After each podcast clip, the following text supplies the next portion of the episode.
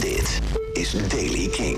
Vandaag begint zonnig en droog. In de loop van de ochtend komt er meer bewolking vanuit het westen. Vanmiddag van west naar oost regen. Het wordt 19 graden aan zee, 21 in het oosten.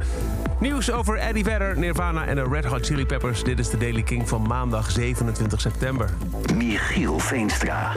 Eddie Vedder heeft vrijdagavond met bekende muzikanten een met covers gevulde set gespeeld op zijn eigen festival, het Ohana Festival in Californië. Dat deed hij omdat de eigenlijke headliner, Kings of Leon, moesten afzeggen. Hun moeder was namelijk overleden. Drie van de bandleden zijn broers en hun moeder was overleden.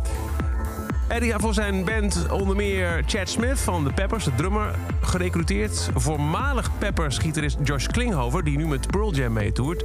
Pino Palladino, de wereldbefaamde bassist, en Glenn Hansard speelden ook mee. Ze droegen The Long Road van Pearl Jam op aan Betty Ann Followill, de overleden moeder van Nathan, Caleb en Jared. Verder speelden ze ook nog een cover van Kings Leon zelf, namelijk Molly's Chambers. En deden ze ook nog covers van R.E.M., The Pretenders en Prince. En ook Olivia verder deed mee. Zij zong haar nummer My Father's Daughter. Nirvana komt dus in november met een 30 jaar anniversary editie van Nevermind. Maar Spencer Elden is weer boos. Spencer Elden is uh, de jongen die op de voorkant van Nevermind staat. Vorige maand kwam hij in het nieuws omdat hij de band heeft aangeklaagd wegens kinderporno. Hij zou er nooit mee akkoord zijn gegaan, dan wel zijn ouders, dat hij naakt op de albumhoes zou staan. En nu wil hij ook een stokje steken voor de release van de 30th Anniversary Edition met zijn piemeltje. Hij eist dat de release wordt gecensureerd.